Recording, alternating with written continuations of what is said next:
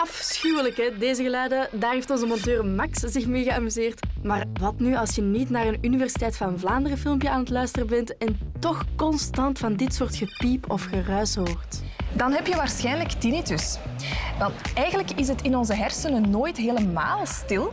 Die produceren altijd wel iets van elektrische signalen. En soms kunnen we dat horen als een piep.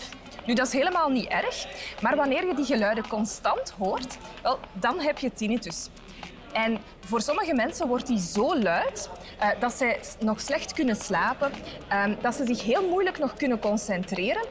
En dan kan het soms echt wel lijken alsof dat je gek aan het worden bent.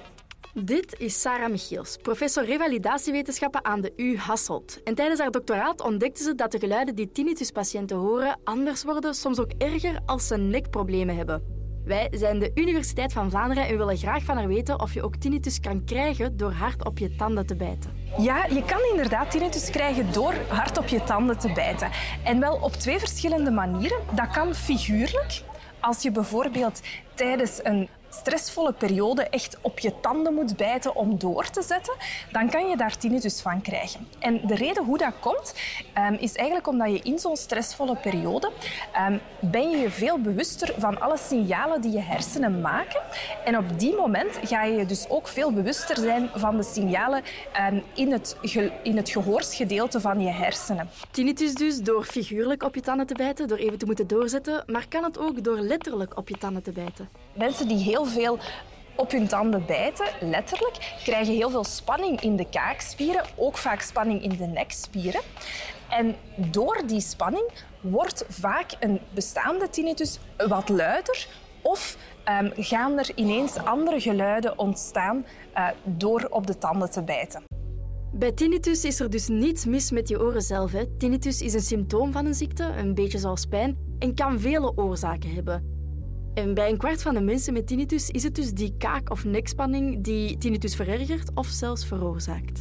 Dus wat er gebeurt is eigenlijk de spanning of informatie over de spanning in de kaak- en de nekspieren, die komt hier toe. En meer bepaald in dat kleine stukje hier, de hersenstam. Dat moet je zo ongeveer hier lokaliseren, vlak onder je schedel. Die kern die is ook nog verbonden met een andere kern die belangrijk is voor het gehoor. Door het feit dat daar verbinding zit, normaal gezien wordt die verbinding gebruikt om ervoor te zorgen dat bijvoorbeeld op het moment dat je aan het kauwen bent, wanneer je kaakspieren gespannen zijn, dat je jezelf niet hoort eten.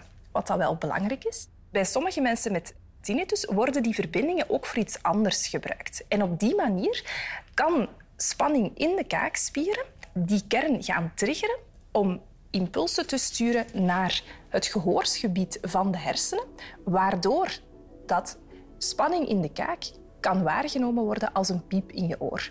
Maar we zitten hier met een kinesist voor ons, dus ik vroeg aan Sarah of ze niet een paar oefeningen heeft die daartegen helpen. En jawel, redelijk simpele zelfs, waarmee ze mij al heeft geleerd hoe je van die kaak- of nekspanning afgeraakt. En zo heeft ze ook een vierde van de tinnituspatiënten al geholpen. Maar Sarah doet nog verder onderzoek, want ze wil meer mensen van dat gekmakende getuut, gerinkel, geruis of gesuis afhelpen. Wat we hier nu onderzoeken ehm, is of we door middel van sporten de tinnitus kunnen verbeteren. Want we weten dat stress een belangrijke factor is uh, in het onderhouden van tinnitus en het erger maken van tinnitus. Maar we weten ook dat sporten, zoals met uh, fitnesstoestellen, uh, dat dat stress kan verminderen.